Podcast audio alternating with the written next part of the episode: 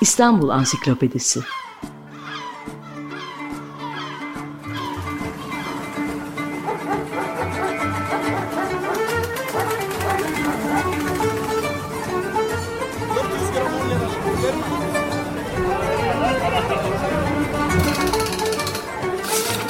İnsanlar, olaylar, mekanlar, gelenekler ve ihtiyaçlar üzerinden şehrin tarihinden sayfalar.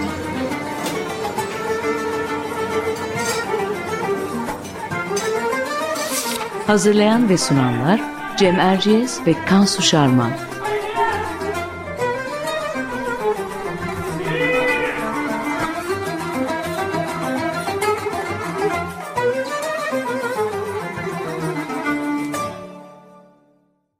Merhaba, Cem Erciyes ben. Açık Radyo'da Kansu Şarman'la birlikte hazırladığımız İstanbul Ansiklopedisi'nin yeni bir programındayız. Bu hafta program konumuz Osmanlı toplumunun eski harfli Türkçe kitap basan Müteferrika matbaası ve kurucusu İbrahim Müteferrika.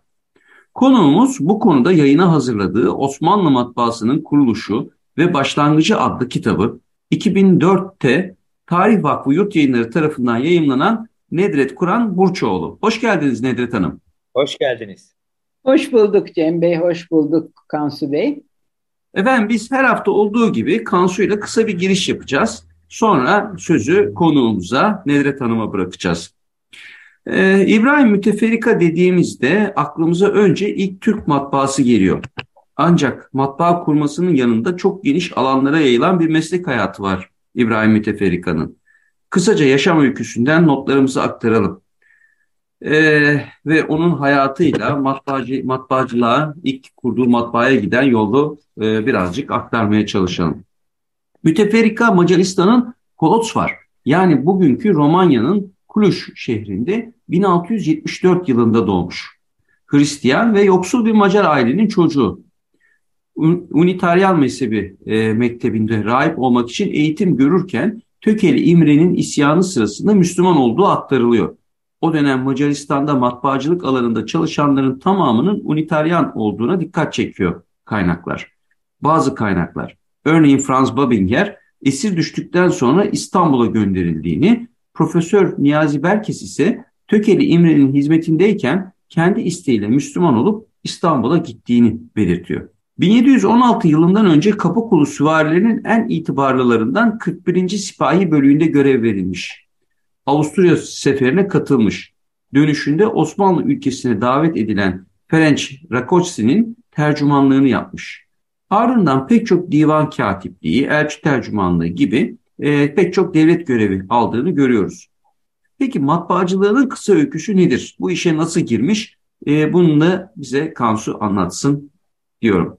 E, teşekkür ederim Cem. E, o bölümü Necdet Hanım'dan zaten geniş biçimde alacağız. Onun için ben mümkün olduğunca kısa tutayım. 1727'nin e, Temmuz ayının başlarında İbrahim Müteferrika ile e, Sadaret mektupçularından 28 Çelebizade Mehmet Said Efendi'ye e, Sultan 3. Ahmet'in fermanı ve e, Şeyhülislam Yenişehirli Abdullah Efendi'nin fetvasıyla ilk Türk matbaasını kurma izni veriliyor.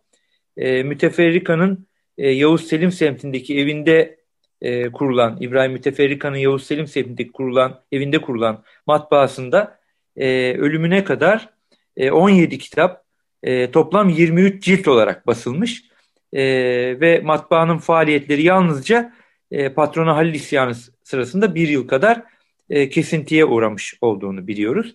Şimdi ben daha fazla sözü uzatmayayım. Süremizi de verimli kullanmak adına ve konuğumuz Nedret Kur'an'a dönmek istiyorum. E, Nedret Hanım şöyle başlayalım e, isterseniz.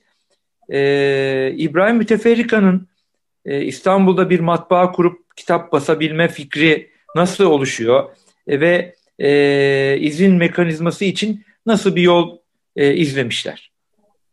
Şimdi evet teşekkür ederim. E, 28 Çelebi Mehmet Efendi biliyoruz ki e, bir yılını hayatının bir yılını e, Paris'te geçiriyor. Oraya sefir olarak gönderiliyor. Onun oğlu Mehmet Said Efendi o sırada Paris ziyareti sırasında bir takım matbaalar görüyor ve e, bilginin matbaa kanalıyla ne kadar çabuk yayılabildiğini, ne kadar ucuza yayılabildiğini görüyor. Bu fikirle Türkiye'ye dönüyor. Ee, İbrahim Müteferrika ise çok vizyonu açık olan bir e, adam. Sizin de daha önce belirtmiş olduğunuz gibi.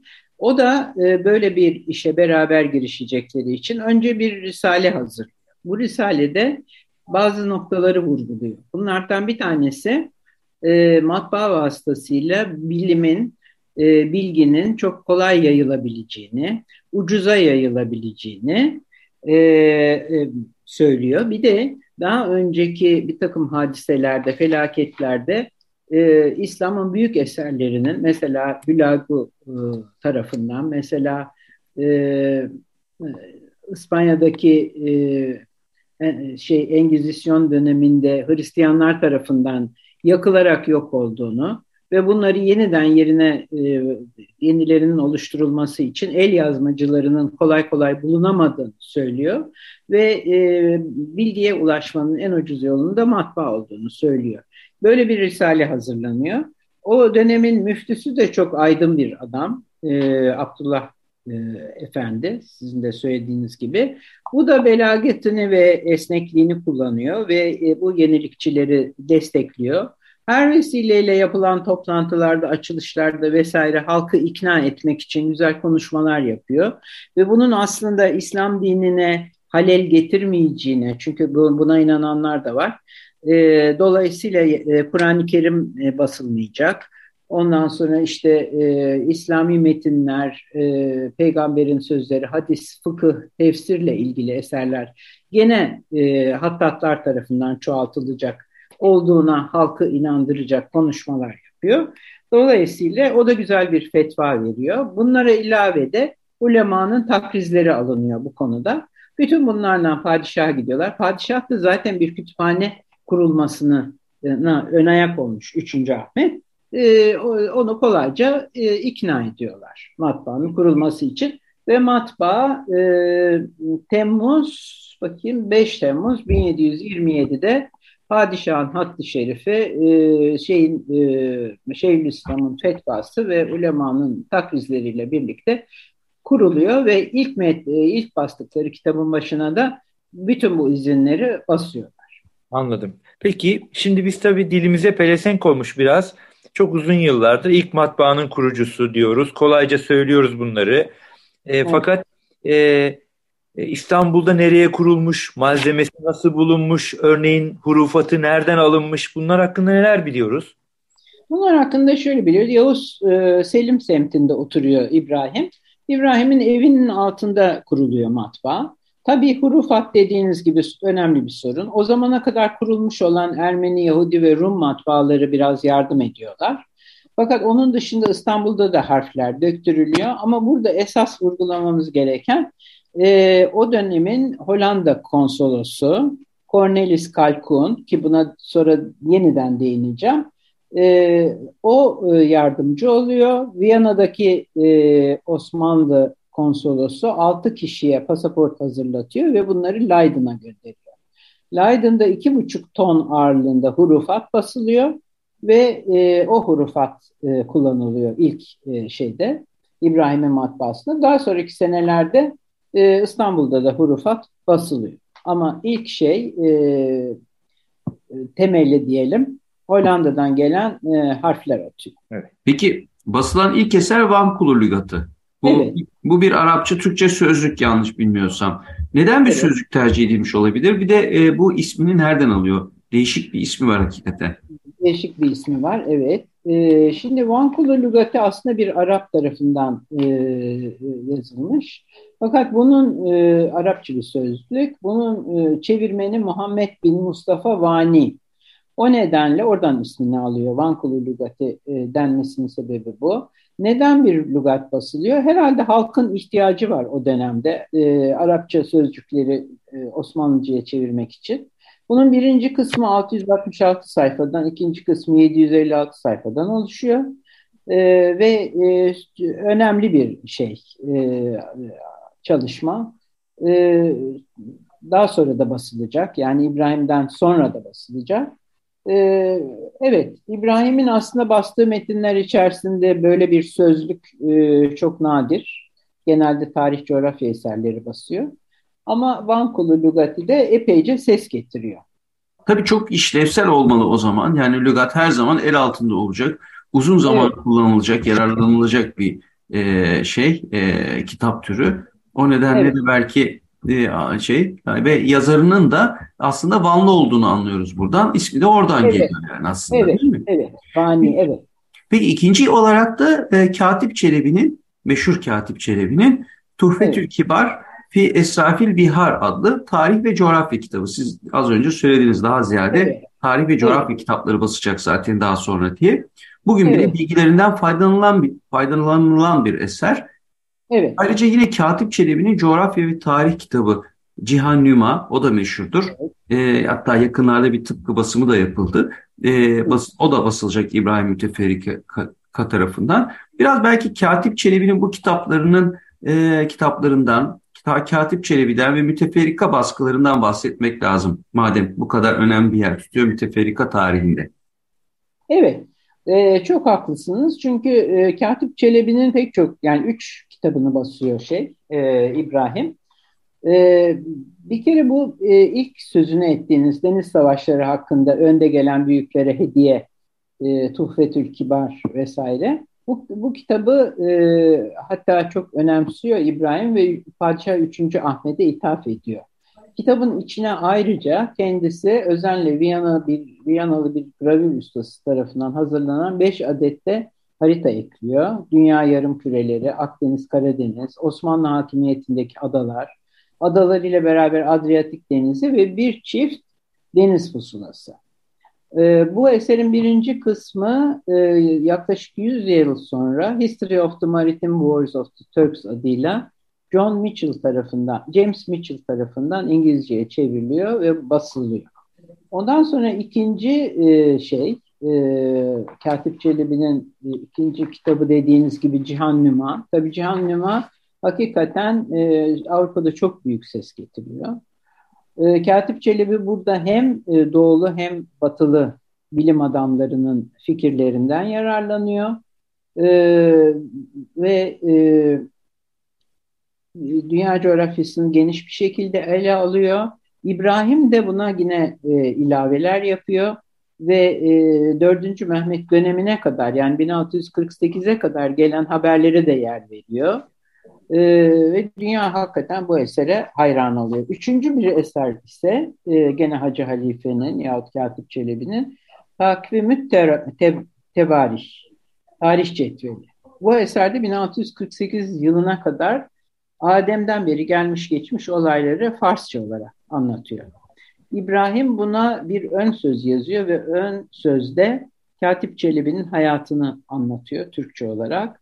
Eser daha sonra İtalyanca ve Latince'ye çevriliyor. Bu arada Katip Çelebi ile ilgili bir ufak şey daha e, hatırlatmak istiyorum. Katip Çelebi öldükten sonra bunun veresesi e, şeye çıkıyor, e, mezata çıkıyor. Ve bunun e, yarısını bu demin bahsettiğim e, Hollanda Büyükelçisi Cornelis Calcun alıyor. Yarısını da bir İtalyan kont olan Marsilya satın alıyor. Şimdi bunların e, bir kısmı Leiden Üniversitesi Kütüphanesi'nin Osmanlı arşivini oluşturuyor. Kalkun'un aldığı.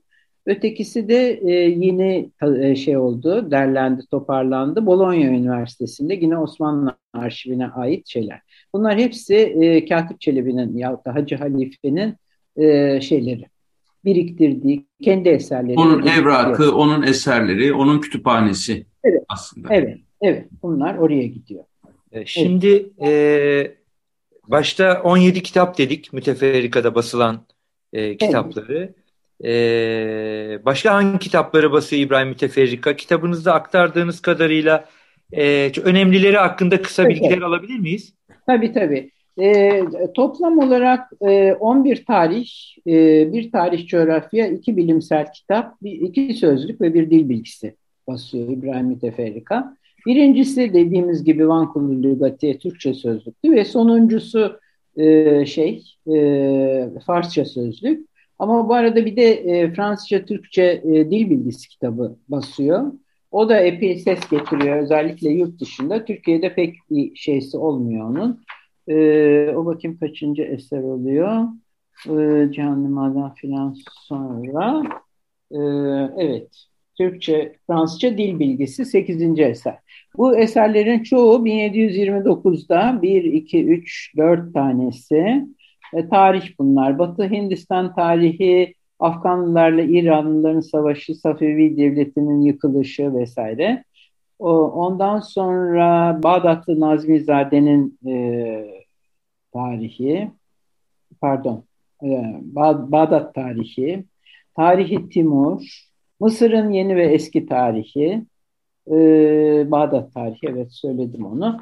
E, patrona Halil'de bir müddet işte bir duraklama oluyor 1730'da ama ondan sonra tekrar devam ediyor. E, evet yani genelde e, galiba vurgulayacağımız şeyler, eserler bunlar. Evet, e, siz e, kitabın kitabınızda hazırladığınız kitapta Franz Babinger'in e, matbaa işinin İbrahim Müteferrika'ya yani Franz Babinger'den aktararak matbaa işinin İbrahim Müteferrika'ya o dönemki adıyla Basmacı İbrahim'e büyük gelir getirmediğini getirmediğini evet. baskıcı bulmanın güçlüğünden ve hattatların e, yani dini kitapların yazma kopya, ya, kopyalarını çıkaranların biraz da baskısı altında kaldığından bahsediyorsunuz. Nedir karşısına çıkan sorunlar? Evet, karşısına böyle sorunlar çıkıyor. Hakikaten e, fazla gelir gelmiyor kitaplara.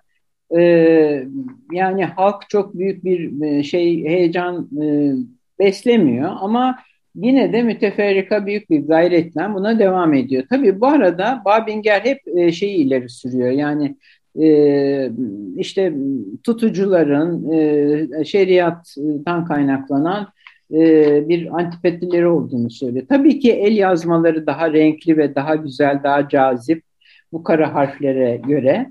Ama esas e, Niyazi Berkes burada şeye katılmıyor, Babinger'e katılmıyor. Diyor ki esas e, konu diyor loncalardan kaynaklandı diyor. Çünkü loncaların e, padişahtan aldığı, saraydan aldığı belirli bir pasta var. O pasta loncalara göre bölünüyor. Hepsi belirli bir para alıyor.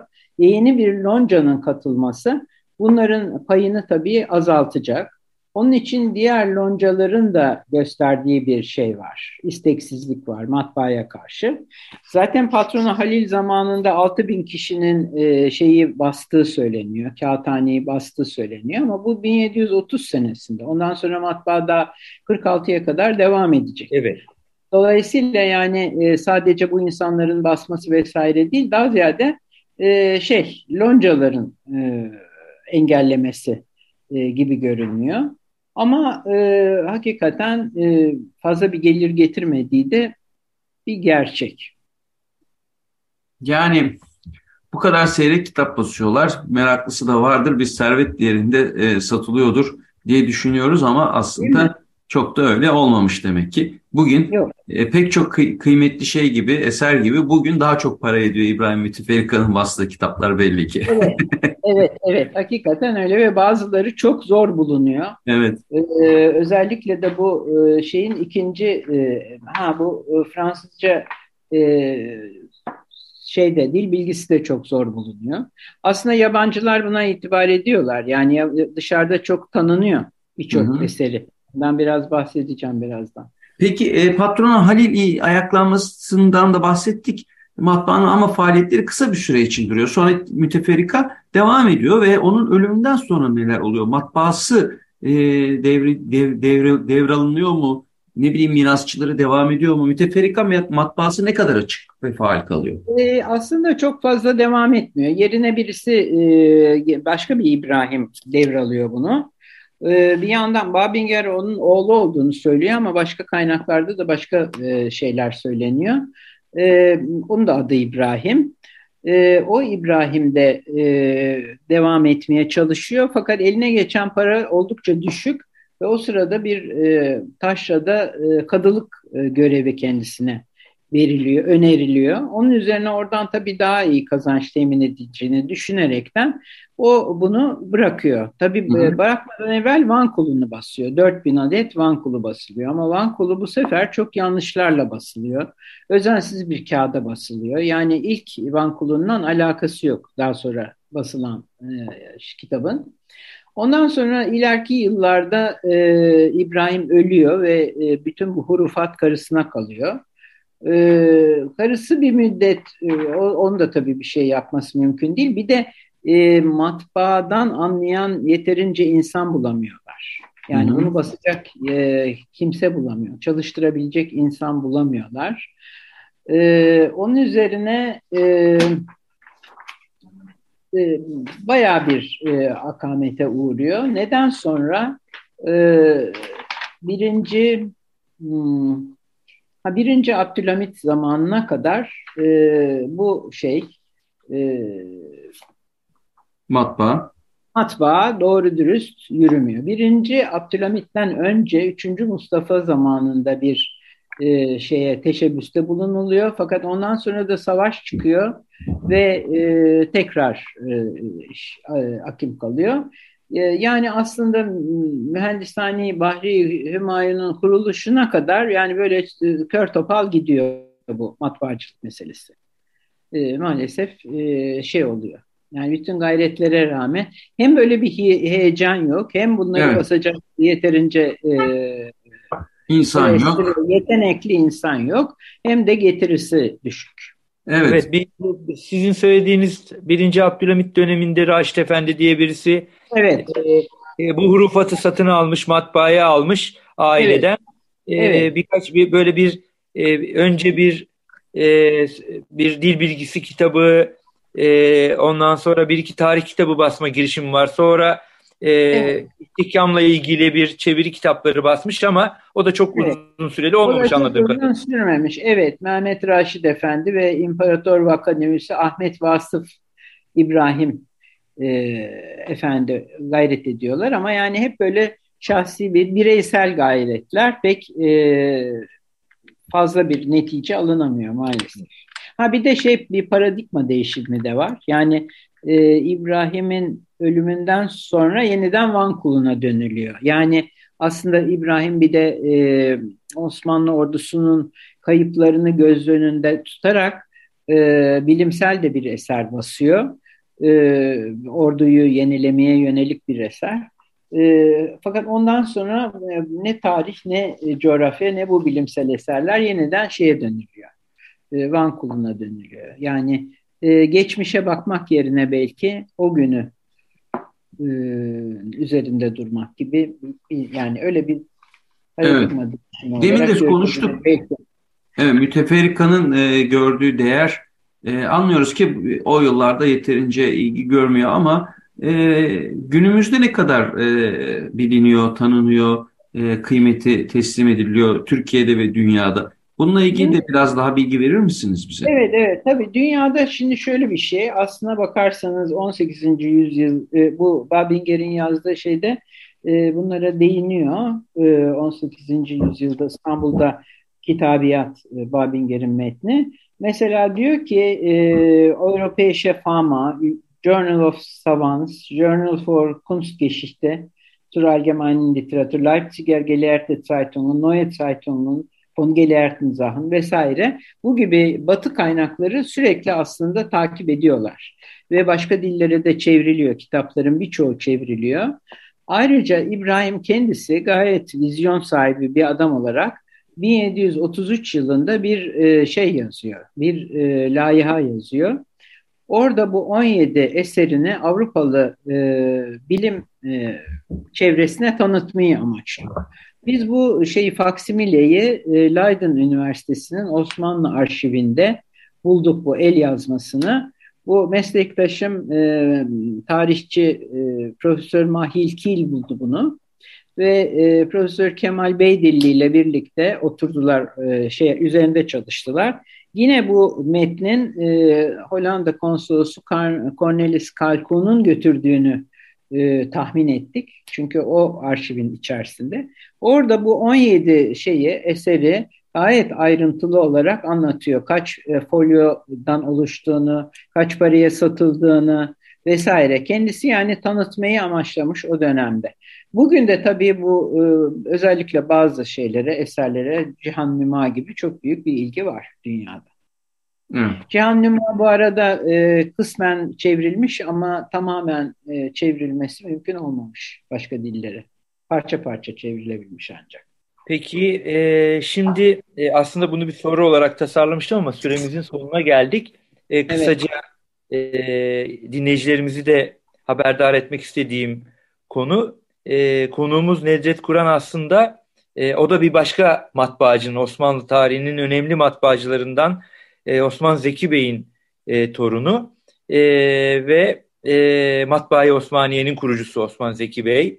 E, ve e, Kur'an-ı Kerim'i e, matbu olarak ilk basan, e, ilk yayınlayan matbaacı. E, ve ayrıca da hem devlet yayınlarını hem de yerli ve yabancı yazarlardan e, pek çok eser e, basmış. E, ayrıca başmağbeyinci olarak sarayda görev yapmış Türkiye'nin e, ilk kağıt fabrikası olan Hamidiye Kağıt Fabrikası'nı Beykoz'da kurmuş. E, biz İbrahim Müteferrika'dan bahsettik. E, şimdi e, yakında da bu kitap yayınlanacak. E, hazırlıyorsunuz kitabını. E, sizi bulmuşken kısaca Osman Zeki Bey hakkında da birkaç cümleyle bilgi almak isteriz. Peki, peki memnuniyetle. Osman Zeki Bey benim anneannemin babasının babası, yani büyük büyük babam. Ee, sanatkar bir aileden geliyor. Babası da e, Hakkakzade.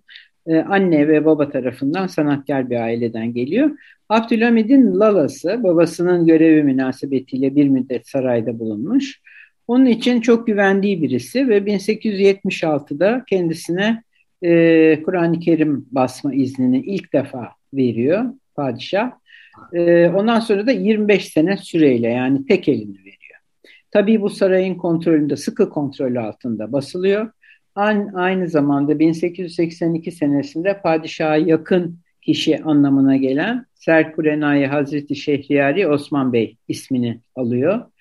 Ee, ondan sonra matbaa e, Çemberlitaş'ta kuruluyor ve e, matbaa amirenin kapanma sürecinde de e, Osman Matbaa Osmaniye bine yakın e, eser basıyor. Yani onun görevini üstleniyor. Daha sonra da e, Osman Bey'in vefatına yakın e, 1888'de e, bir fetvayla Beykoz'da bir e, kağıt fabrikası kurması isteniyor. E, onun açılışına Osman Bey'in e, ömrü yetmiyor ama o da bir 50 senelik e, şey e, teker veriliyor. Evet. Evet. Peki, e, çok teşekkür ediyoruz Necdet Hanım. E, bu hafta Necdet Kur'an'la e, İbrahim Müteferrika ve İstanbul'da kurduğu Osmanlı'nın ilk eski harfi Türkçe matbaasını e, konuştuk. E, Necdet Hanım'ın kitap olarak yayımlamak üzere olduğu 19. yüzyılın en önemli matbaalarından Matbaayı Osmaniye'den de bahsettik. Osman Zeki Bey'den de bahsettik. E, bu haftalık bu kadar. Kendisine çok teşekkür ediyoruz. Ben de e, teşekkür e, ederim. Sağ olun. Hafta yeniden buluşmak üzere. Hoşçakalın. Hoşçakalın. Hoşçakalın.